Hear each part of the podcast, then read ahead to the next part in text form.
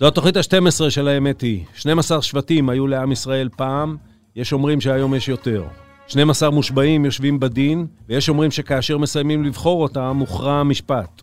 12 שנים ברציפות היה נתניהו ראש ממשלה בישראל, 12 שנים היה פרנקלין דלנו רוזוולט נשיא ארצות הברית, ויש אומרים ששני השיאים האלה לא יישברו. ואנחנו אומרים, זמן להתחיל. האמת היא, עם עופר שלח. עם עופר שלח. לפי סקר דת קהל מלפני כמה שנים, 70% מהיהודים בישראל מאמינים שארצות הברית היא ידידה נאמנה שלנו, ו-90% בטוחים שתבוא לעזרתנו במקרה של איום קיומי על ישראל. זו לא הערכה מלומדת, זה כמעט צורך נפשי. היחסים המיוחדים עם אמריקה הם בתודעה הישראלית משענת קיומית, שיקול שגובר על רוב השיקולים האחרים, וקשר עם המדינה שאנחנו, יותר מרוב המדינות בעולם, נושאים אליה עיניים. גם הרבה ידידים ויריבים שלנו בטוחים שהדרך לוושינגטון עוברת דרך ירושלים, גם כשזה נכון וגם כשלא. 80% מהיהודים בעולם חיים בישראל או בארצות הברית. הסרטים, הטלוויזיה והמוזיקה שלה הם עמוד השדרה התרבותי שלנו. ישראלים מתגאים כשהם מכירים את אמריקה באופן שהם לא יגידו על אף מדינה אחרת בעולם. אני גם בספק אם במדינות אחרות עוקבים אחרי הבחירות לנשיאות בארצות הברית במשדרים מיוחדים לאורך כל הלילה, כמו שאצלנו עושים כמובן מאליו. בשנים האחרונות חלו שינויים מרחיקי לכת במדיניות האמריקאית כלפי פנים וכלפי חוץ. חל גם שינוי משמעותי במעמדה של ישראל, שמקונצנזוס של תמיכה עברה להיות עוד נושא שעליו מתקוטטים בפוליטיקה האמריקאית המשוסעת. היחסים של ממשלות ישראל עם יהודי ארצות הברית הפכו גם הם טעונים, ומעוזי תמיכה מסורתיים שלנו הם היום מוקדי הביקורת הכי קשה על ישראל. ואנחנו, אנחנו ממשיכים לשאת עינינו מערבה ולחפש תמיכה ואהבה. אסי שריב היה יועץ התקשורת של ראש הממשלה שרון, של ראש הממשלה אולמרט, הוא גם היה קונסול ישראל בניו יורק. יש לו היכרות עמוקה עם הממשל בוושינגטון, עם הקהילות היהודיות ועם התקשורת האמריקאית. שוחחתי איתו על הקשר הנפשי שלנו עם ארצות הברית, על היחסים הסבוכים עם יהודי אמריקה ועם קהילות שונות בתוכה, ולאן הולכים היחסים המיוחדים האלה, שאנחנו כל כך סומכים עליהם. אסי שריף, שלום. שלום. קונסול ישראל בניו יורק 2007 עד 2010. לפני שנצלול, ישראלים אוהבים לדבר על אמריקה, נכון? מאוד. ואני חושב שמאז הטוויטר נראה שכולם מומחים לאמריקה. אני חושב שעוד לפני. כן, יש כולם מתעסקים בבחירה במחוז ה-12 בנברסקה, וכולם מבינים בהכל, כן. אני, אני חושב שאנחנו יותר מבינים במכון ה-12 בנברסקה מתושביו. היה פעם, אה, אני זוכר שדורון רוזנבלום כתב פעם איזה מין פרודיה על גיליון החג. הקלאסי של העיתונות העברית, אז הוא כתב, ויהיה מישהו שיכתוב על מסעו למשחק פוטבול ביונקרס בשנות ה-50. כן, זה... והכי, אני חושב, אה, גם תמות אמריקאיות גדולות. זאת אומרת, אני פעם אמרתי שה-60's האמריקאים זה הגעגוע הכי גדול של כולנו למשהו שלא היינו בו. כי נגיד ב-Summer of Love ב-67, אצלנו הייתה מלחמה. אבל אנחנו כולנו מומחים, היינו בוודסטוק וחרשנו שם. זה, אני לא רוצה להישמע אבישי בן חיים, אבל השאלה אם כן. זה באמת אה, ישראל הראשונה וישראל השנייה, או שבאמת כל מדינת ישראל עדיין ממשיכה להריץ את מה שקורה שם אה, אה, מעבר לאוקיינוס, ואני בתחושה שיש הרבה מאוד ישראלים שצוללים יותר ויותר לתוך ארה"ב, ויש כאלה שמתרחקים וחושבים שאנחנו רוצים להתמקד בלבנט. אבל אנחנו גם, אני לא, לא הייתי מעמיד את זה אחד מול השני, כי למשל, גם ברק אובמה וגם דונלד טראמפ, היו שני נשיאים אמריקאים שעוררו תחושות מאוד אה, אה, חזקות בישראל. נכון, אבל אני חושב שהם עוררו תחושות חזקות ברוב העולם. אה, אצל, אצלנו הם היו תחושות הפוכות ממה שהם היו בשאר העולם. כלומר, אובמה היה מאוד אהוב במדינות ליברליות ובמדינות שאליהן, אה, בעולם המערבי, ומאוד לא אהוד בישראל, וטראמפ להפך. אה, ביידן הוא בעיקר מנומנם. ממש לא, אבל בהקשרים שלנו. מנומנם, כן. לא, רק בהקשר של איך הוא כן. נתפס בעולם, כלומר, לא בהקשרים ה... אבל מניסיונך, כאילו בלהסתכל על זה משני הצדדים. זאת אומרת, זה, זה מתחיל, אם תרשה לי, אה, יש את הבדיחה הישנה, שאני לא יודע, היא מעידה בעיקר על הגיל שלי, שאשכול, כשהוא היה ראש ממשלה, באו אליו ואמרו לו שיש בצורת. אז הוא אמר, איפה? אז אמרו לו, בנגב. אז הוא אמר, אה, חשבתי בוויסקונסין, הייתי מודאג. זאת אומרת, מהתחושה שלנו משנים ראשונות של המדינה, שאנחנו במידה רבה תלויים באמריקאים, שמדינה שנולדה עמוק בתוך, או, או צמחה עמוק בתוך המלחמה הקרה, הצד שלה היה הצד האמריקאי והוא צריך אה, לדאוג לה, ומה שנקרא היחסים המיוחדים. אבל זה גם הרצון שלנו תמיד uh, להשתייך, וזה שהתרבות האמריקאית היא התרבות המובילה, בטח של החצי השני של המאה ה-20, אז גם אנחנו שם. קודם כל, אני חייב לענות לך בסיפור אה, על, הוויס, על וויסקונסין. אה, כן. סיפור ששמעון פרס תמיד היה מספר על הפגישה הראשונה של בן גוריון וקנדי, שנפגשו בוולדורף אסטוריה מיד אחרי היבחרו של קנדי, אבל לפני שהוא נכנס להיות נשיא. והם סיימו את הפגישה ובדרך למעלית, אה, קנדי אומר לבן גוריון, אתה יודע, ניצחנו, ניצחתי את הבחירות בעיקר בגלל פלורידה, והקול היהודי שם היה כל כך משמעותי, ואני מרגיש שאני חייב לכם. איך אני יכול להחזיר לך את החובה שאני חש לעם היהודי?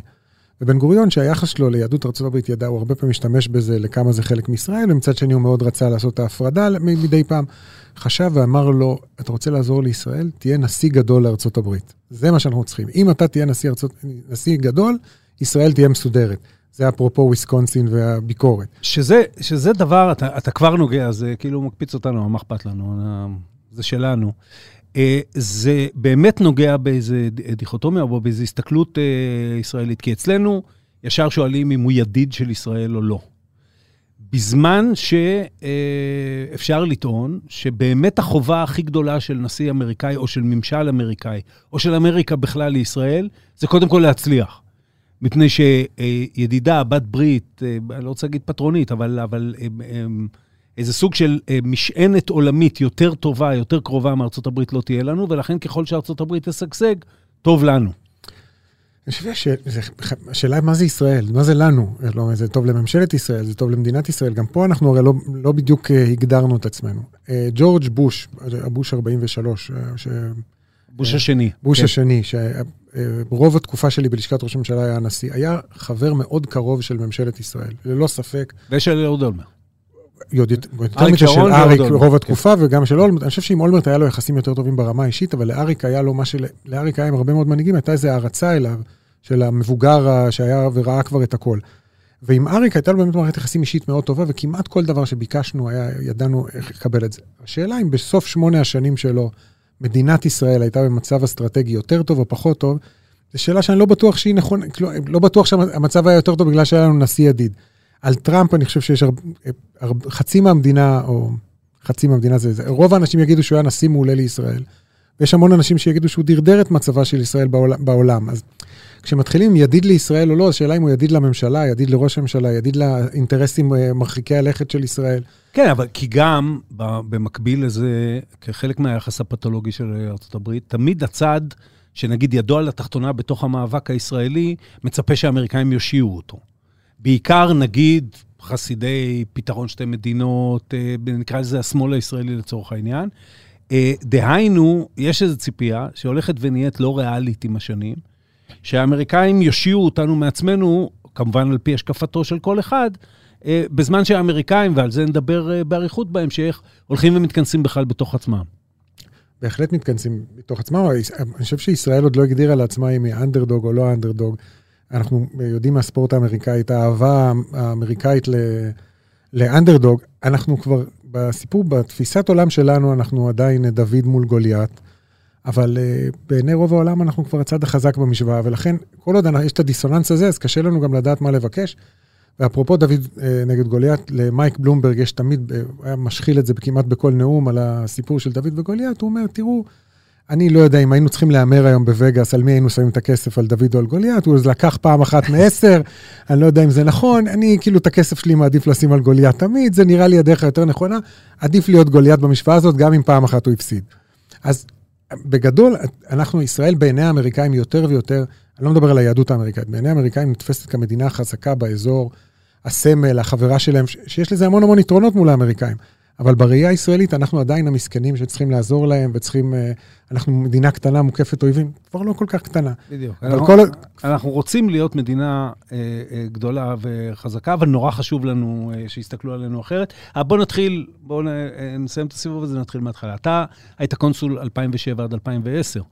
אמרת, רוב הזמן היה בוש, מעשית, אני חושב שזה כמעט חצי-חצי. אה, בתחילת 2009 לא, אה, אובמה נכנס. נכון, התכוונתי לשנים כן. שלי בלשכת ראש הממשלה, הייתי 2002 אה. עד 2007 שם. אוקיי, עכשיו, אה, כשאנחנו מסתכלים עליה ועל אמריקה היום, כשאנחנו רואים אותה מבחוץ קצת יותר מעשר שנים אחר כך, אתה אולי היית, אני אגיד, ואתה יכול להסכים או לא, כמעט בשנים האחרונות שלה ובתחילת הסוף של האימפריה האמריקאית. זאת אומרת, אה, בלי ספק, המחצית השנייה של המאה ה-20 היא מה שקראו גם כמעט באופן פורמלי המאה האמריקאית. זה מגיע לשיא כשנגמרת המלחמה הקרה בניצחון או בקריסת הצד השני, הצד הסובייטי. ארה"ב היא כמעט אה, מעצמה יחידה לאורך אה, שנות 90, ובשנים שלך היא מתחילה, בין השאר גם בגלל המלחמות שהיו בתחילת העשור הזה, אבל במשבר הכלכלי של 2008 וכן הלאה, היא מתחילה להסתכל על עצמה אחרת. זה נכון? גם אתה ראית את זה ככה? אני חושב שהיא מתחילה להסתכל על עצמה אחרת. אגב, פוליטית, אני חושב שביידן מנסה לשנות את זה. האמירה המפורסמת הראשונה שלו על אמריקה חזרה, היא לא מנסה להחזיר את הימים אחורה. שני הנשיאים האחרונים, גם אובמה וגם אה, אה, טראמפ, פחות התעסקו בעולם, הם התכוונו הרבה יותר אה, פנימה. יכול להיות שזה בגלל הכישלון הנחרץ של אה, בוש כל פעם שהוא יצא החוצה, כלומר, גם בעיראק, גם באפגניסטן, ובעיקר ביחס שהעולם נתן לו. כלומר, הוא הגיע לביקורים באירופה והיה נראה כמישהו מאוד מאוד לא פופולרי ומנהיג מאוד מאוד שנוא, שהם העדיפו להיכנס, אה, להשתבלל פנימה. ולא להתעסק עם הדבר הזה. ברור שזה יותר עמוק משני הנשיאים, אבל אני חושב האמריקאים משתנים. כלומר... אני אקח את זה למקום אחר. אתה יודע, אה, אצלנו אחרי, מאמצע שנות ה-90, ובעיקר אחרי 11 בספטמבר, מתחיל שיח, זאת אומרת, אנחנו הרבה עוסקים, ב, למשל, כשמדברים על אמריקה, בהתנגשות הציוויליזציות של הנטינגטון. אבל הנטינגטון כותב ספר מיד אחרי התנגשות הציוויליזציות, שנקרא Who are we? מי אנחנו? ובו הוא עוסק במשהו שלדעתי מלווה את אמריקה, בטח את הפוליטיקה האמריקאית, וגם משפיע על מדיניות החוץ, וזה שלראשונה, אולי מ... אני לא יודע, 250 שנה אחורה, יש דיון מי אמריקה, יש דיון מה האידיאלים שלה, יש אה, מיעוט הולך וגדל, שאולי עוד מעט אפילו יהיה רוב, שלא מקבל את החלום האמריקאי הקלאסי כמו שהוא, ולא אומר לעצמו, כמו דורות קודמים, אני צריך, אם אני המהגר, היהודי, הגרמני, האיטלקי וכן הלאה. אגב, בסוגריים של סוגריים, תסתכל על האגרוף האמריקאי, אתה תראה את השכבות של ההגירה האמריקאית. היהודים, נכון. האיטלקים, האירים, אה, אה, השחורים, לא הגירה, כן, אבל... אה, ומתחיל באמת דיון של אמריקה על מי היא. וככל שמתעצם הדיון של אמריקה על מי היא, נחלש הדיון של אמריקה כ... כ א', מופת לעולם, וב', שוטר העולם. כן, אני חושב, גם השינוי הדמוגרפי האדיר בארצות הברית בשנים האלה, שכבר אתה רואה את אה, אחוז ה-whites, או מול ה-non-whites בארצות הברית, שהוא יורד משמעותית. אני לא יודע כמה המהגרים החדשים, בניגוד לאלה שהגיעו מהיבשת הישנה, כמה מעניין אותם מה שקורה באמת באירופה ובשאר העולם, ולהנחיל את ערכי הדמוקרטיה, שלפחות ב-20 שנה האחרונות לא נראה שהם הדבר הכי משמעותי לאזרחים אמריקאים. הדמוקרטיה, אתה מסתכל על הדיונים ברשתות האמריקאיות, זה... אני לא בטוח שיש משהו שהם רוצים להנחיל לעולם, הם בעיקר עסוקים בללכת מכות אחד עם השני היום. אבל אה, זה, שוב, אם אני חוזר בלופחו, זה ממשל בוש ככה דיבר. זאת אומרת, נכון. כשהוא נכנס לעיראק ויש בלאגן גדול, אז, אז רמספלד אומר, democracy is messy, זה, אבל מטרתנו היא, הכוונה היא אגב למסי במובן מלוכלך, לא ליונל מסי, למי שלא קלט, אבל אה, אה, מטרתנו היא לשחרר את העולם מכבליו, וכשנשחרר אותו מכבליו, הוא יהיה דומה לאמריקה. אני חושב שאמריקה במידה רבה גם מאבדת את היומרה הזו. לחלוטין מאבדת, וגם אם, אני חושב שהיא מתבגרת מהתפיסה שהעולם הוא רק שחור ולבן ואין אה, 50 גוונים של אפור באמצע. כן מבינים את המורכבות של סוגיות, של אה, יותר, יותר בעייתיות. אני חושב שאפילו, נלך רגע לאקטואליה, היציאה מאפגניסטן, שברור שהיא לא מושלמת מבחינתם, הם מבינים אבל שזה הפתרון הכי טוב שהם יכולים להשיג לאמריקה. הוא רע, בכל, הוא רע לכל הערכים שהם ניסו להנחיל שם ב-20 שנה האחרונות. ועדיין רוב האמריקאים תומכים בו, לא בדרך שזה נעשה, אבל בשורה התחתונה של לצאת משם. אז בוא, בוא נשאל שאלה, שאלה שהיא כמעט שאלת כפירה לגבינו. והיא בטח רלוונטית בימים האלה שבהם אה, הביטוי ה, ה, הכי מובהק בארצות הברית זה ה-Global Power Competition, זה ה, יש תחרות בינינו, בעיקר מול סין, על אה, אה, עוצמה גלובלית, ונשאל, האם נגזר על ישראל, והאם טוב לישראל תמיד להיות בצד האמריקאי? זו שאלה שאני יודע שדנים עליה אה, הרבה מאוד שנים כבר, זה לא משהו שהוא חדש לגמרי, למרות, למרות העניין של השקיעה עכשיו.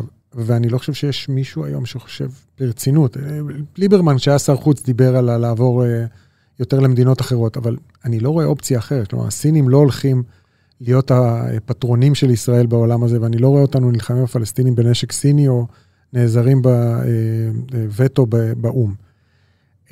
יש, יש לנו עוד כמה שנים לחיות עם ארה"ב כמדינה הכי חזקה לצד ישראל. מתישהו, הדיון הזה בוודאי צריך להתחיל לעשות יותר ברצינות, אבל כרגע אין באמת אלטרנטיבות. כלומר, פוטין לא יחליף את, האמר... את האמריקאים, וה... והסינים לא יחליפו את האמריקאים במובן של מעניין אותם מה קורה פה, ויש להם איזה אינטרס או איזה זיקה של ערכים אה, סינים. אה, כאן, כמו שהאמריקאים מסתכלים על ישראל, אני לא מדבר על יהדות בכלל, שזה או, אז בוא, בוא נדבר, אחר. בוא נתחיל מערכים, אולי נגיע, בוודאי נגיע ליהדות אחר כך. בוא נתחיל מערכים. היות ואני לחלוטין בדעתך, אה, אני לא חושב שלישראל יש באמת אלטרנטיבה אני חושב שאנחנו, אני לא יודע אם מעריכים מספיק או לא מעריכים מספיק, עצם העובדה שאנחנו, באמת יש בסיס ערכי משותף עם כל זה שאפשר להתווכח על המדיניות האמריקאית, וזה בסוף, ב, ב, אתה יודע מה, זו שפה שאנחנו מבינים, להבדיל ממקומות אחרים. אה, אז, אה, ואני מחזיר את זה לצורך של אמריקה להיות, אה, להיות חזקה. איפה זה שם אותנו שארצות הברית מתחילה לדרוש מבעלות בריתה, או אלה שהן בצד שלה, סוג של נאמנות שהיא מתחילה להיות אה, קונפליקט, למשל ביחסי המסחר עם סין. שהיה נושא מאוד משמעותי בביקור האחרון של בנט. כן. יש עכשיו מכרזים של uh, הרכבת הקלה. חלק מהחברות שמתמודדות ומחכים לתוצאות זה חברות שאחרי שביידן נכנס, הכניסו אותן לתוך הרשימה השחורה האמריקאית. תהיה פה סוגיה מאוד משמעותית. עוד לפני, הגיע לפה פומפאו, ולפתע לא זוכה חברה סינית במכרז התפלה. נכון, ואני כן. חושב שהממשלה הישראלית תהיה מאוד יצירתית בדבר הזה קדימה, כי אני יודע שהנושא עלה, אני לא יודע מה היה בדיוק, מה הדרישה, עד כמה חריפה הדרישה האמריקאית, אבל ראינו בעבר שהם דרשו וישראל התקפלה. נלחמו כאריות ונכנעו כעכברים, אבל אנחנו, אה, לא מדבר עוד אחורה אפילו על, על עמוס ירון כמנכ"ל משרד הביטחון, על מה שקרה, אבל היה גם אה, עסקאות אה, הפלקון ודברים כאלה ואחרים, זה רק הולך להחמיר. אה, האמריקאים, לגב, האמריקאים עם הסינים מתלוננים הרבה שנים, זה נהיה יותר ויותר גרוע, אני חושב שעם ביידן זה יהיה כמובן יותר גרוע. והסינים לא נתנו לישראל שום דבר ששווה להילחם עבורו. מלבד בוא, מכרז בוא, יותר זול. בוא, לא, לא ניכנס ללב הדבר הזה, זה אולי נשמור לשיחה אחרת, אבל אני, אני אשאל אותך עכשיו, תייצג את האמריקאים. זאת אומרת, אה, האמריקאים קודם כל וישראל היא אה, המדינה שהם מסייעים לה, סיוע חוץ לישראל הוא, שהיום נשאר ממנו רק החלק הצבאי, אבל הוא לבד יותר גדול משל כל המדינות. זה, אבל, אבל זה לא באמת, זה, זה א', לא הרבה כסף, זה 3.8 מיליארד דולר בשנה, זה, זה כלום בתוך התקציב אה, האמריקאי. אה, אבל אה, אה, האם נהיה נכון להגיד שהאמריקאים מצפים מישראל תמורת לא רק התמיכה הכספית, התמיכה הכספית, התמיכה הדיפלומטית, השיתוף הפעולה הצבאי, המודיעיני וכן הלאה, אה, זה כמעט מעליב אותם אם ישראל לא, לא תעמוד בסטנדרטים האלה כמו שהם רואים אותם. א', גם פה הייתי מפריד בין היהדות האמריקאית לבין האמריקאים, כי ליהודים האמריקאים יש ציפיות מישראל שאין להם מהמדינה שלהם. כלומר, הם מסתכלים על ישראל כאל איזה מדינת, מה שצריך להיות מדינת מופת, מה שהם לא חושבים על המדינה שלהם, אבל נשים את זה רגע בצד. דיברת על סכום הכסף, אמרת שזה זניח, זה נכון, אבל כבר לפני 15 שנה, חברי קונגרס דמוקרטיים, אה, שחומי עור, היו מתלוננים על העובדה שישראל מקבלת כל כך הרבה כסף. הם לא ידעו לכמת את הסכומים, אבל זו תלונה שבמקום לשלם לחבר'ה שלנו בשכונות, הכסף הולך לישראל. זה כן משהו שמסתובב, כאילו עדיין לא, כמשהו זניח. לא, אני אגיד לך יותר מזה, הוא עכשיו במיינסטרים. אני, נכון. לפני הבחירות האחרונות בארצות הברית, אה, לבקשת אחד הארגונים היהודיים בארצות הברית, ניהלתי שיחת זום עם כמה עשרות נציגים דמוקרטיים, כולל חברים בבית הנבחרים ובסנאט, שדיברו על הרעיון של להתנות את אה, כספי הסיוע, למשל, כמובן שבזה שישראל לא תספח שטחים, שזה היה אז נושא, אפרופו תוכנית אה, טראמפ, אבל ככלל, במדיניות של ישראל, אה, זה אומנם לא נכנס למצע של המפלגה הדמוקרטית, אבל זה היום שיח כמעט מרכזי בה. נכון, זה שינוי מאוד גדול של השנים האחרונות. ביידן, הדבר האחרון שהוא אמר ב photo-op עם בנט, הוא דיבר על החימוש, הוא כמובן מאוד גאה לחמש את ישראל. אבל זה היה מאוד בשקט. פעם נשיא אמריקאי שהיה עושה את זה היה חוגג על הדבר הזה היטב. אני חושב שהוא לא יכול, הוא לא יכול, בגלל הבייס שלו, לעשות מזה חגיגה מאוד גדולה, כי זה יגרור תגובות נגד. זה שינוי מאוד משמעותי. קודם כל על הכסף. אבל האמריקאים נעלבים גם על העובדה שהם מרגישים שהם מסתבכים בעולם, בזה שהם סוכנים ישראלים, או שהם תמיד מגינים על הישראלים, והיה להם לאורך השנים המון המון בעיות עם העולם הערבי בגלל הדבר הזה. אני לא מדבר על אחר, שנים, בשנים האחרונות זה פחות ממה שהיה, אבל אנחנו בסוף, הבן דוד הרחוק שעושה להם בעיות ומפתח אותם בעולם. ככה הם מסתכלים על זה הרבה פעמים, שמנהיגים זרים באים להתלונן אצל אובמה או אצל ביידן עכשיו, על היחס לישראל. הם כבר לא מסתכלים על זה כעל איזה משהו, על מקור גאווה, אלא על מישהו שמביך אותם. וכשזה מביך אותם, אתה עוד יותר מתעצבן כשאתה עושה דברים שלא מוצאים, שאנחנו עושים דברים שלא מוצאים חן בעיניהם. כן, שכמובן, אתה יודע, יש מקרים מפורסמים, כמו שביידן בא לפה כסגן נשיא, ואנחנו, אה, יש החלטה על בנייה וכן הלאה, שזה ממש... זה היה אצבע בעין. אצבע בעין, כן.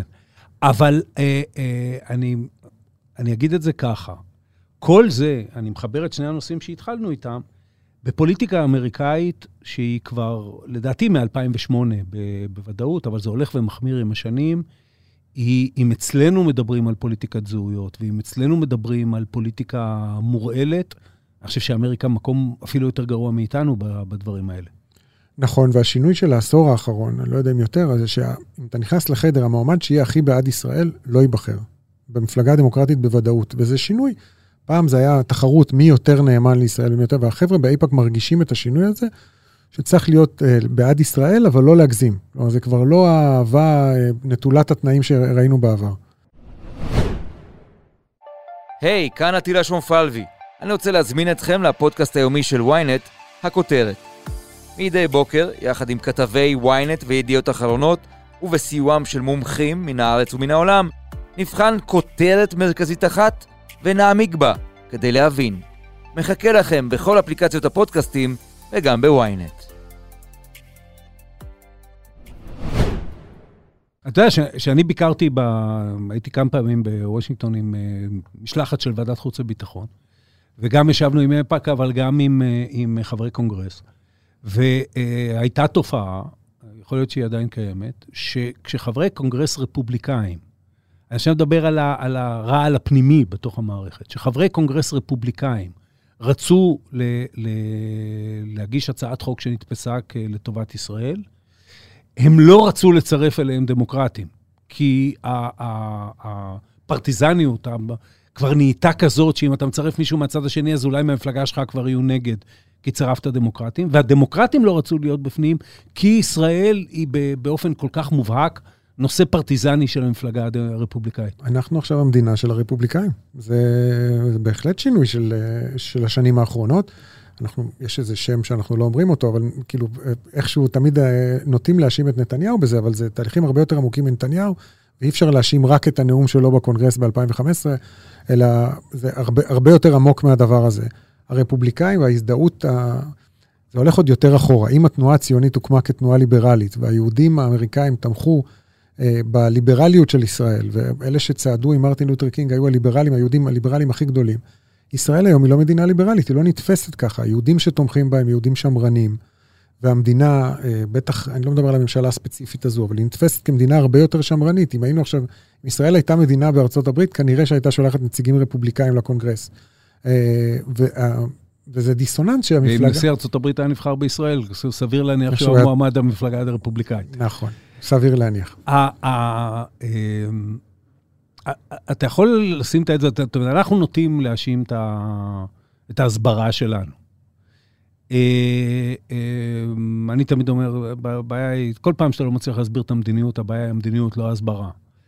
אבל מעבר לזה, על, על נקודות השבר של הדבר הזה, כי אני אגיד לך מה אני חושב על נאום נתניהו בקונגרס. נאום נתניהו בקונגרס נתפס, ולא היה יכול שלא להיתפס, בעיניים האמריקאיות, כהתערבות ישראלית בתוך ה, ה, באמת ה, ה, שסע בתוך הפוליטיקה האמריקאית, באופן שכשאתה מסתכל על ראש ממשלה כמו בנימין נתניהו, שגר בשנים בארצות הברית, שדובר אנגלית שוטפת, שיש לו תארים באוניברסיטה האמריקאית, אי אפשר להגיד שהוא לא מכיר את ארצות הברית, אז בטח הוא עושה את זה בכוונה. אה, בצדק זה נתפס ככה בעיני הדמוקרטים, אני חושב שזה לא היה, זה היה אולי יותר מוקצן, אבל זה לא דבר חסר תקדים. לא, נתניהו אמנם כאזרח מודאג, אבל ישב בקונגרס ב-2002 והסביר למה חשוב לפלוש לעיראק, שהסוגיה הייתה סוגיה מאוד בעייתית. אגב, באותם ימים ראש הממשלה הישראלי נסע לאמריקאים לשכנע אותם שעיראק זה לא הכתובת, ועדיין הוא ישב ועשה את זה באופן מאוד פומבי. יש את הסיפור המפורסם על רבין עם אה, התמיכה שלו ב... אה, מול, ברפובליקאים אה, בשנות ה-70, אחרי שהוא סיים להיות שגריר, והוא כאילו תמך במועמד הרפובליקאי. אז יש לזה תקדימים שישראלים ניסו. אני חושב שזה לא היה בוטה כמו הנאום של נתניהו, אבל אי אפשר להאשים את כל היחסים של המורכבות של המפלגה הדמוקרטית וישראל, זה לא רק הנאום של נתניהו. השנים האלה, הקונפליקט בין אה, נתניהו לאובמה היו נוראי, היה קונפליקט נוראי. אני לא חושב שהוא היה קונפליקט יותר גדול ממה שהיה בין רייגן לבגין, סביב מלחמת לבנון לא, הראשונה, עם היה, התמונות.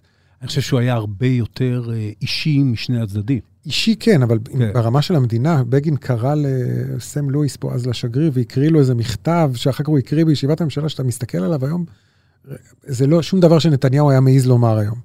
אה, אריק שרון כשר ביטחון אה, בסוף, המלח... בסוף המלחמה נתן רעיון והסביר שלפחות ישראל לא בורחת כמו שהאמריקאים ברחו מווייטנאם. היה פרסונה נון גרטה ב... הרבה שנים על הדבר הזה. אז, אז זה לא הגיע לרמות האלה של... אה, נתניהו עשה את זה בצורה יותר דיפלומטית. נאום מאוד, הנאום היה אצבע בעין, כמו שאמרנו, בצורה מאוד מאוד בוטה, אבל הקרע עם המפלגה הדמוקרטית הוא יותר עמוק מזה. עכשיו נתניהו הלך אני לא חושב שהבעיה הסתיימה. בוודאי שלא, לא, אני, אני דווקא לקחתי את זה מהצד האמריקאי. זה, זה, אני חושב שנתניהו היה צריך להיות ער לזה. נכון. אבל בסיטואציה שאתה זוכר, אני לפני בחירות 2012 אה, ביקרתי בארצות הברית, נכנסתי לחנות ספרים, וראיתי אה, ספרים שיצאו על אובמה. היו שם ספרים, והלך אז גם אה, סרט אה, שהיה לדעתי אחד הסרטים הנצפים של אותה שנה, שנקרא Obama's Rage. אה, שתיארו את אובמה במונחים שטניים. אגב, דומה למה שתיאר הצד השני את דונלד טראמפ אה, ארבע שנים אחר כך. כשהפוליטיקה האמריקאית היא כזאת, שרמת הרעל שלה היא כזאת, כשזה בא ממקומות זהותיים כל כך עמוקים, ישראל צריכה לדרוך אה, יותר בשקט. נכון, רון דרמר היה שגריר, אז מלבד העובדה שהוא היה מאוד מאוד קרוב לנתניהו, הוא בסוף רפובליקאי אמריקאי שגדל בארצות הברית, אני חושב שהוא השגריר הכי משפיע בתולדות ישראל, הוא היה מקושר גם פה וגם שם בצורה יוצאת דופן. הוא ארגן את הדבר הזה, כי כל הסביבה שלו הייתה רפובליקאית, הוא חשב מה טוב לנתניהו, אבל הוא גם, זה היה הקהל שהוא שמע ממנו, ולכן זה היה, לו, זה היה שילוב של הדבר הזה שהיה נוח לכולם, זה כאילו סייע לרפובליקאים שזה לא פגע בו, זה מאוד סייע לביבי בארץ, אה, וב long run זה אה, גרם לישראל... אני שואל, משהו אבל, ארוך אבל אני שואל בשביל להיות הוגן, האם יש דרך לישראל ולמנהיג ישראלי כלשהו להיות ביי פרטיזן? האם יש דרך להביא את ישראל חזרה למקום שבו יש, אם לא ההסכמה שהייתה פעם, אבל איזשהו סוג של הסכמה על אה, אה, חשיבותה של ישראל ועל זה שבאמת ישראל היא משלנו? קודם כל, אני חושב שצריך לקבל החלטה שרוצים את זה. אני חושב שעד עכשיו לא רצו את זה. אה, בגלל הפערים הגדולים אה, שהיו בין הרפובליקאים לדמוקרטים. אבל היום שאתה יודע שזה המצב, והפוליטיקה האמריקאית היא כל כך uh, מקוטבת וקיצונית, כמו אצלנו, רק אפילו בצורה יותר, uh, יותר גרועה. צריך לעבוד בזה, לנסות למצוא, יש פה ממשלה ישראלית עכשיו שבוחרת להתעסק רק בדברים שהיא רוצה, לצורך כן. העניין. צריך לנסות לעשות את זה גם מול האמריקאים, לפחות חלק מהזמן, להתמקד בדברים שבהם אנחנו כן יכולים להראות, שוב לחזור לסיסמאות האלה של ה-shared values, אבל 30 שנה מדברים פה על הקהלים החדשים, אבל שצריכים להושיט יד, ל, לא רק לאוונגליסטים וגם להיספנים, לא באמת עובדים בזה. יש, אין תוכנית אב של מדינת ישראל. יש כל קונסוליה, תלוי בקונסול באותו זמן, מחליט שהוא הולך על האוניברסיטאות, או הולך על זה. אין, במדינת ישראל אין תוכנית לקרב את הברית אליה, או להגיע לקהלים חדשים, משהו שהוא גורף. משרד החוץ יש אנשים מצוינים. אה, דוד רוט, שעומד היום בראש האגף, הוא איש מעולה ממש, אבל אין, הוא לא יכול לעשות תוכנית לבד בלי שהממשלה יודעת מה היא רוצה. ופה מתעסקים רק בנשיא, לא בשום דבר מתחת. אז זהו, בוא, אז אני אשאל אותך, כמי שעשה את זה, קודם כל ת, תסביר לי ולמי ששומע אותנו, מה עושה הקונסול? אז השאלה, כשאני לא איש משרד החוץ, אני הייתי מה שנקרא מינוי פוליטי, אז אה, כשיצאתי, אז אמרו לי, השאלה היא לא מה עושה הקונסול, אלא מה עושה הקונסול כשהוא קם בצהריים. זו השאלה של משרד החוץ. אז הוא קם בצהריים? אה, מה שהוא רוצה, מה שהוא מחליט. אף אחד לא אומר לך, התפקיד שלך הוא לעשות 1, 2, 3, 4. זה, לכן זה משתנה מאוד מאדם לאדם. לא, כי אני אגיד, אני אגיד לך למה אני שואל. כי השגריר, אה, אתה אומר ישראל מתעסקת בנשיא, השגריר מתעסק בגבעה, אוקיי? הוא, יש לו בית לבן מצד אחד וקפיטול מצד שני. כן, ויש לו אנשים והוא... יהודיים לתפקידים האלה, הוא לא, כן. שיש לו ציר קונגרס, הוא לא יכול לשחק עם זה.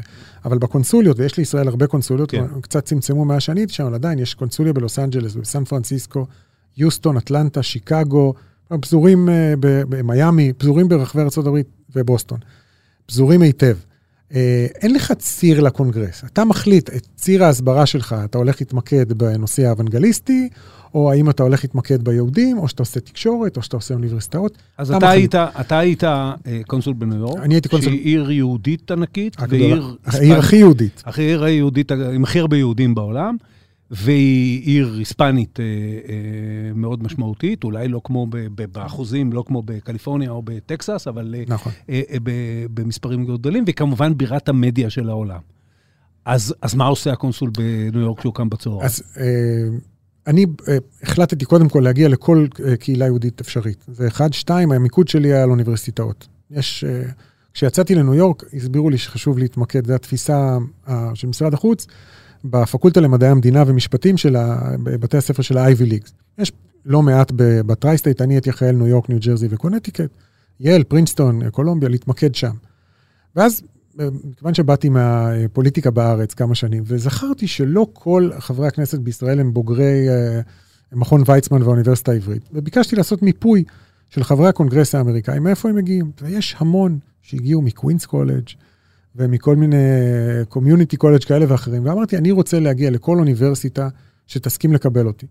והיו באזור שלנו, היה 192 אוניברסיטאות, אני הצלחתי להגיע לחצ, לחצי מהן. חצי זה אומר, נאמתי שם, פגשתי את הנשיא, אם הייתה קהילה יהודית, לא בכולן היה, פגשתי אותו. כי מה? כי חשבתי שלהגיע לחבר'ה האלה, לטווח ארוך, למקומות ש... ל-NYU כולם מגיעים, זה קל. אבל להגיע לאוניברסיטה ברוצ'סטר, למשל, שזה חור, זה שמונה שעות נסיעה. וקר נורא. וקר נורא, אבל יש שם אוניברסיטה מאוד מאוד משמעותית. איכשהו אה, יצא אה, המקרה ששבועיים או שלושה אחר כך אה, הייתה איזו אמירה אנטישמית מאוד מאוד, אחרי הביקור שלי שם, הייתה אמירה אנטישמית של איזה הנכד או הנין של גנדי, שאמר אמירה אנטישמית נוראית. הייתה לי את האופציה להרים טלפון לנשיא, שפגשתי אותו ודיברתי איתו, וכבר יקר, ידעתי מי הנציג של הלל באותו מקום, ולנסות לארגן את הדבר הזה. עכשיו, אתה מגיע לאוניברסיטה, אומרים, שמע, הפעם האחרונה שהיה פה קונסול היה ב-88, אז אמרתי, זה היה הזווית שאני חשבתי שאחת הזוויות נכונה. דני דיין, למשל, אה, שעשה עבודה מעולה, התמקד מאוד בהיספנים ובקהלים אה, ליברליים, למרות שהיה הרבה חשש לפני זה, הוא עשה עבודה מעולה עם ההיספנים, הוא דובר את השפה. זה היה יתרון מאוד גדול, בילה הרבה בברונקס, והיה מאוד משמעותי. עידו אהרוני שהחליף אותי, לא התעסק הרבה בפוליטיקה, עסק הרבה במיתוג של ישראל, כל מיני פרויקטים של מיתוג. כל אחד בוחר את זה ב- למה שהוא רוצה, אני חושב שזה לא, לאו דווקא יתרון.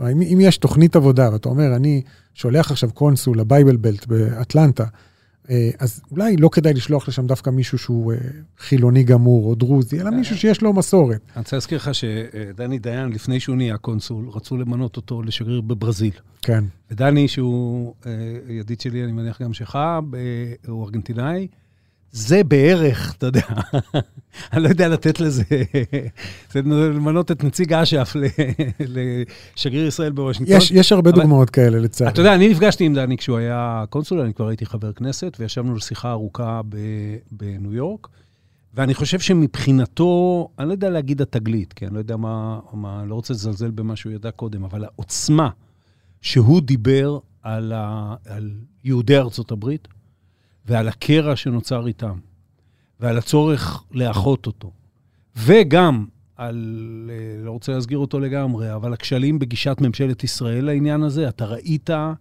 כמה זה כואב לו. אז אני, אני אשאל את זה ככה.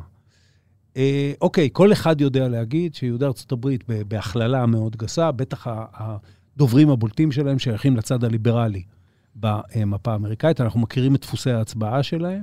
הצד הליברלי הזה, כמו שדיברנו קודם, הולך ומתרחק מישראל. אה, האם הדבר הזה הוא בר תיקון?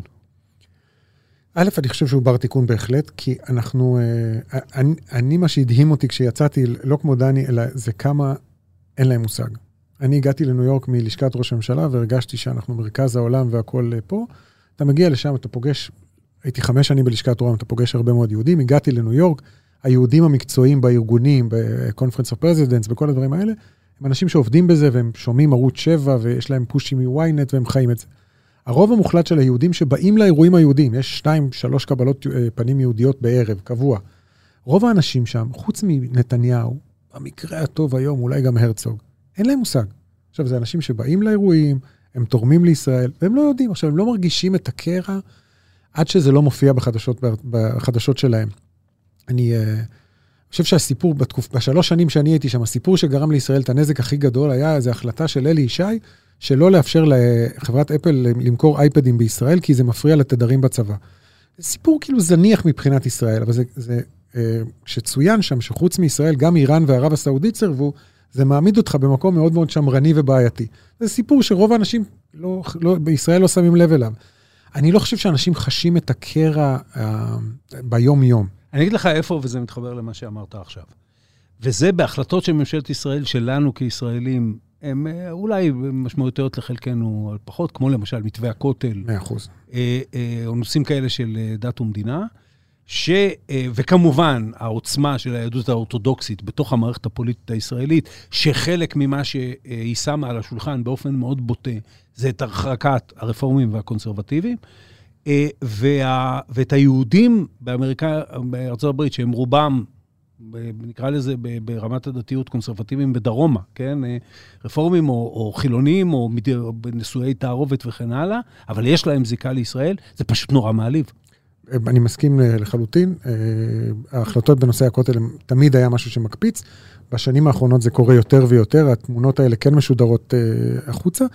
וזה בעיקר גורם, אני חוזר שוב לעניין של האוניברסיטאות, יהודי צעיר אה, לא רוצה את הקשר עם הדבר הזה, כי היהדות האורתודוקסית בארצות הברית היא לא יהדות פופולרית. יש לה את ה... היא מאוד חזקה אצל פוליטיקאים שצריכים להיבחר למועצת העיר בניו יורק, או אה, להיות סנטור אה, מדינתי. היא לא מאוד פופולרית אצל היהודים האחרים, היהודים שמעניינים אותנו כשאנחנו באים למנהטן וללוס אנג'לס ולמיאמי, לאירועים הגדולים של, אפילו של אייפאק, אבל בטח של הפדרציות. והזיהוי של ישראל עם הדבר הזה, וכל סוגיית הכותל היא כמובן מאוד בולטת בדבר הזה, גורמת לך לרצות לא להיות בצד שלהם. אז אם אני מחבר את זה עוד מקודם לדוד וגוליית, אז לא רק שאנחנו גוליית, אנחנו גם גוליית עם חברים לא טובים, או כאלה שאתה לא רוצה להתחבר אליהם. והצד השני תמיד נראה יותר טוב, ויותר ליברלי, ויותר כמונו, ויותר... אה, אנחנו לא נראים, בעיניים שלהם אנחנו לא נראים כמו אה, יהודים אמריקאים אחרים. זאת אה, הכוונה. מה שהוביל לפחות זרם מסוים, נגיד בממשלות הקודמות, לאמירה, אתה יודע מה, אולי זה, אולי זה חסר תקווה. היהדות הזאת, וזה, אני אומר לך דברים שמן הסתם גם אתה מכיר, אבל אני לא רוצה לצטט אנשים שלא קיבלתי אישור לצטט אותם, שאומרת, זו יהדות שהולכת לאיבוד גם כיהודים. הם uh, בנישואי תערובת, הם, הזיקה שלהם אולי בדור שלהם, עוד יש להם זיקה לישראל שהיא זיקה יותר uh, חברתית, כולל לכעוס על ישראל, אבל בדור הבא פשוט לא יהיה אכפת להם.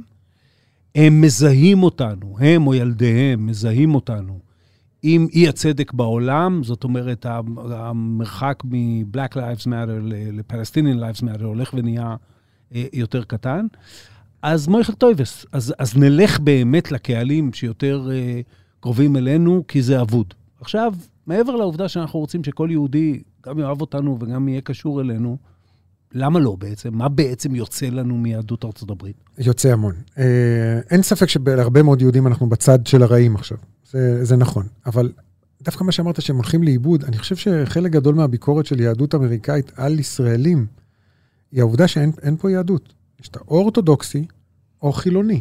עכשיו, אין דבר כזה יהודי חילוני בארצות הברית, כי גם החילונים הכי גמורים בארצות הברית הולכים לבית כנסת בראש השנה כנראה, או לפחות למדו בסנדיי סקול, יש להם מושג.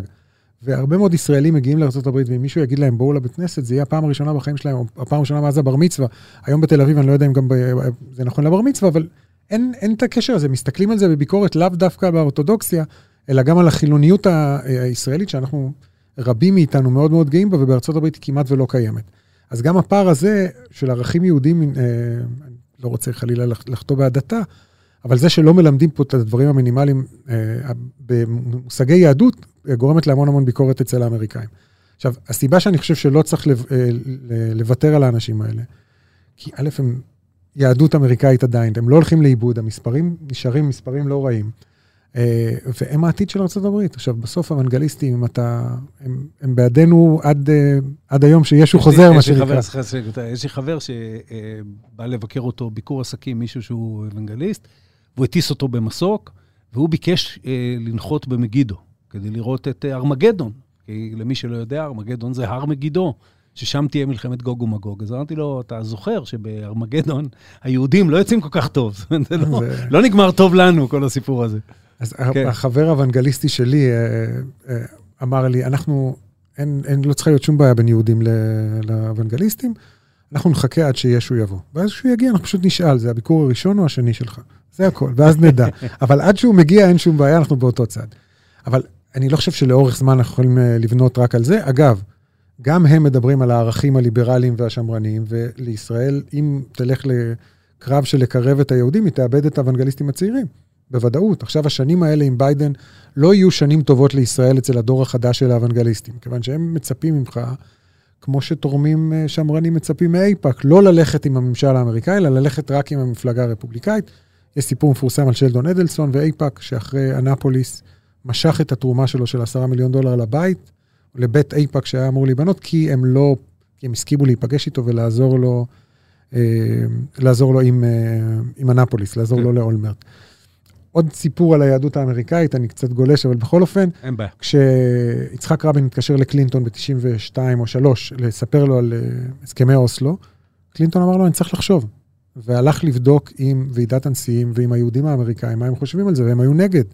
מכיוון ששנים ישראל חינכה אותם שערפאת הוא האויב, ומה פתאום עכשיו עושים שלום? ולאמריקאים, שמצד אחד מאוד רצו הסכם שלום עם הפלסטינים, הם אמרו, אנחנו מאבדים פה את הבייס שלנו, של המפלגה הדמוקרטית היהודים, ולקח לרבין הרבה זמן לשכנע אותם בכמה ישיבות שהם, אה, לפחות המבוגרים שבהם, היו מספרים הרבה מאוד זמן, איך הוא הסביר להם שיש חלון זמן של 15 שנה, שיש רק מעצמה אחת, ולכן חייבים לעשות את זה עכשיו, לפני שהרוסים חוזרים. אני הגעתי שם ב-2008, אמרו לי, תראה איך הוא צדק, הנה פוטין החזיר את רוסיה לגדולתה.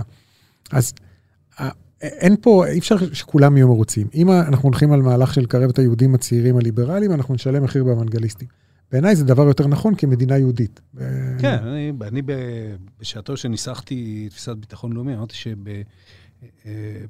שבגורלו של העם היהודי בעולם, הקשר שלו איתנו הוא חלק מההגדרה העצמית ומהביטחון הלאומי של מדינת ישראל בכלל, ולא בגלל, ואגב, אני אשאל אותך על זה, אה, אה, אני לא יודע אם אצלנו עוד מאמינים במיתולוגיה של ההשפעה היהודית, נגיד בוושינגטון. בארצות הברית עוד מאמינים בזה? בוודאות. לא, אני חושב שאצלנו הרבה פחות מאמינים והרבה פחות מעריכים את זה. אני חושב שזה כאילו איזו זכות ישראלית שהאמריקאים בידינו. איפא"ק אה, מטילה מורא על הרבה מאוד פוליטיקאים, אין שאלה בכלל. גם זה, היום? גם היום. זה פחות ממה שהיה לפני 15 שנה. אה, והבחירות, כל בחירות אתה מגלה את ה... איפא"ק הלכו לראש של שניים או שלושה פוליטיקאים שלא הצליחו להתרומם בכל אופן. ועכשיו, כן, כל השלוש אה, אה, חברות קונגרס שאיפא"ק ניסתה לא להכניס, נבחרו במספרים יפים. ועדיין צריך את הכסף היהודי, צריך את ההשפעה, זה לאו דווקא חברי קונגרס, זה הרבה פעמים חברי מועצה וטובים כלליים, אבל שאיפא"ק כמה, עובדת הרבה. אה, אתה, כשאתה אומר הכסף היהודי, אז זה בסדר, יהודים תורמים, כמו שהאמריקאים תורמים בכלל, ו, אבל הם, אה, היהודים שתורמים, בטח, ב, שוב, כל אחד בצד שלו, היהודים שתורמים בצד הדמוקרטי, הם אה, שייכים לאותה שכבה חברתית שהולכת ומתחקרקת מישראל. הם לא באמת יתנו את זה, או יסתכלו על זה בהקשר של תמיכה בישראל. זה לאו דווקא ית- אה, יתנו, אבל יש הרבה יהודים שתורמים למפלגה הדמוקרטית היסטורית, כי זו, בסוף המפלגה הדמוקרטית היא המפלגה היהודית. כן. נכון שלא כולם הם אה, תומכי אה, מדינה אחת ולא שתי מדינות, אבל יש להם השפעה. כלומר, ההשפעה היא לאו, היא לאו דווקא השפעה שדוחפת ממשלת ישראל לעשות משהו, אבל יש להם השפעה. אצל החברי קונגרס הם אומרים, אם הוא יהודי, הוא בטח ישראלי, הם לא תמיד צוללים, הם עוד אה, הרבה פעמים אומרים את המשפטים האוטומטית. תחשוב על איזה חבר קונגרס מקנזס, או מישהו שרץ להיות תובע כללי בנברסקה. הוא עכשיו יודע את הניואנסים, הוא יודע שאיפא"ק צריכים להיות בעדו, הם אומרים לו שניים, שלושה משפטים מחוזיים, למה מסוכן שיהיה הסכם עם איראן. והוא אומר את זה, כי הוא אומר את זה כי הוא, הוא מבין שהיהודים יהיו בצד שלו.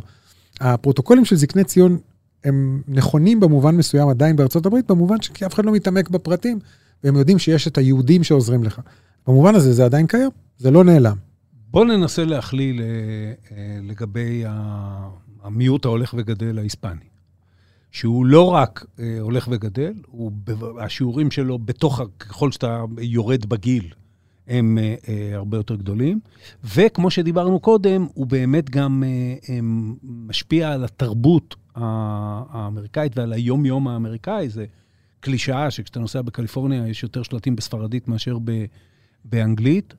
גם אה, בפלורידה כבר. כן.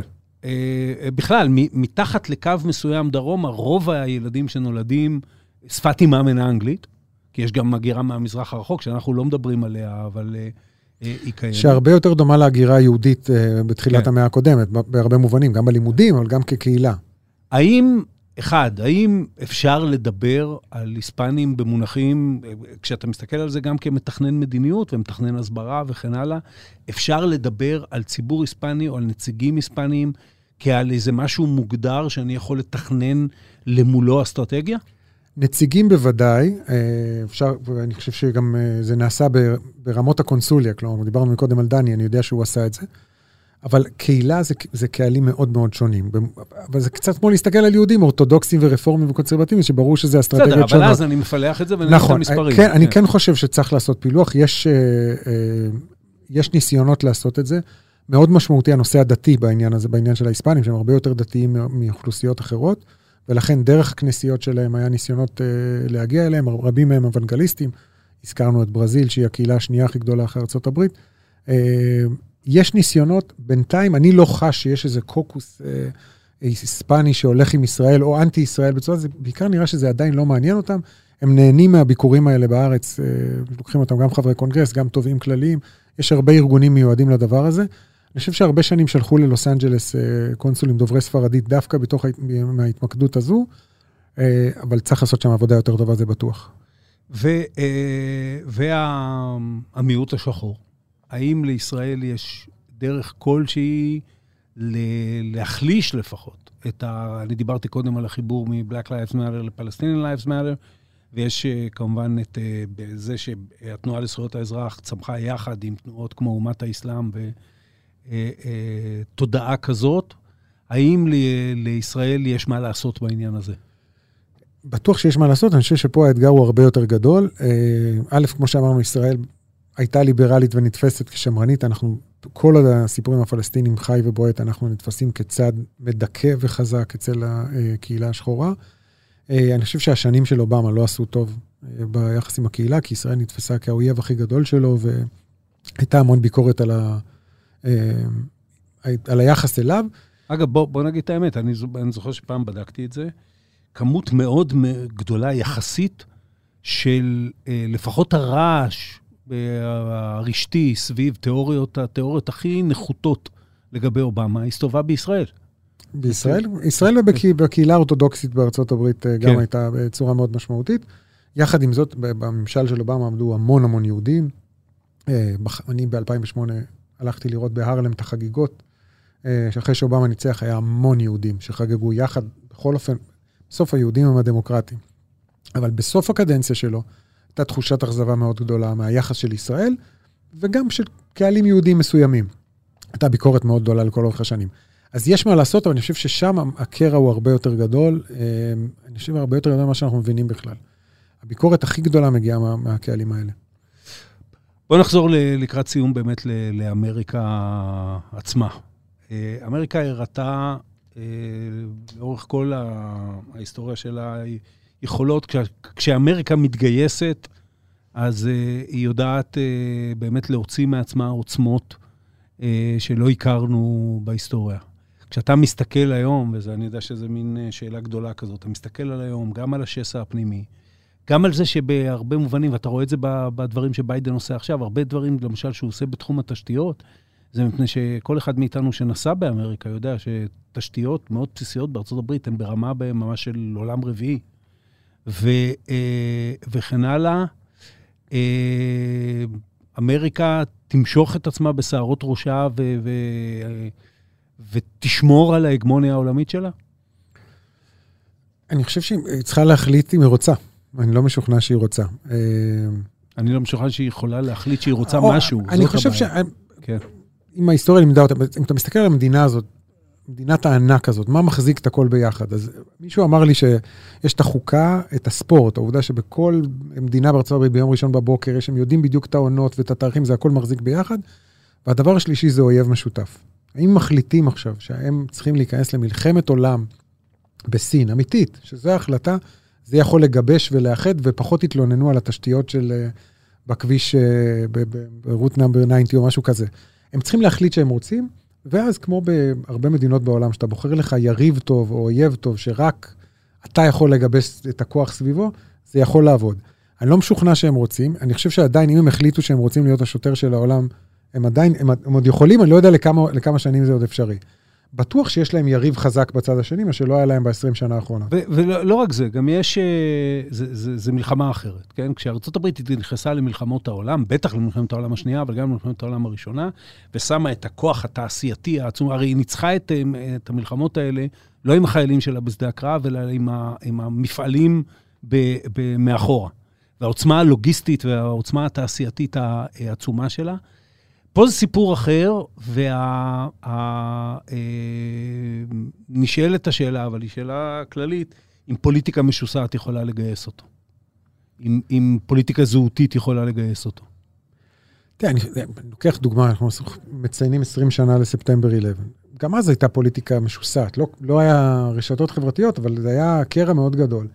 ועדיין בחודשים אחרי ספטמבר 11, אמריקה הייתה מאוחדת ביציאה לעיראק, לקח זמן עד שכולם... Uh, אפגניסטן עוד קודם, כמה, עד שהתחילו עם הביקורת. אני חושב שאם תהיה החלטה, הם יכולים לעבור את זה. אין, דווקא כי אצל הרפובליקאים אין איזה טראמפ עוד שם, כן, זה דיון אחר, אבל אין איזה מנהיג עכשיו שכולם מתאחדים סביבו, מה שהיה מקשה. דווקא עכשיו, כרגע, אני חושב שיש פה עוד הזדמנות. אם הם החליטו שכן, שזה מה שהם רוצים. אה, ואנחנו, אה, אם נחזור לאיפה שהתחלנו איתו, אנחנו כ... אוהדי ארצות הברית במונחים של ספורט. לחלוטין. אנחנו יודעים באיזה יציע אנחנו יושבים. כן, אני עדיין סופר מדליות באולימפיאדות. אה, מי ישחרר למדליות? וחשוב לך שהם יהיו לפני הסיני. ברור. אסי שריף, תודה רבה. תודה לך, להתראות. עד כאן עוד פרק של האמת היא. כדי להאזין לפרקים הבאים שלנו, אתם מוזמנים לעקוב אחרינו בוויינט, ספוטיפיי, או באפליקציית הפודקאסטים החביבה עליכם. דרגו אותנו באפל פודקאסטס, תשלחו את הפרק לחברים. אתם מוזמנים לכתוב לי בדף הפייסבוק שלי, או במייל פודקאסט שטרודל וויינט.co.il. בפרקים הבאים אני מבטיח להתייחס. העורך שלנו הוא רון טוביה, בצוות שחר ברקת וערן רחמני. על הסאונד ניסו עזרן. אני עופר שלח, ניפגש בפעם הבאה.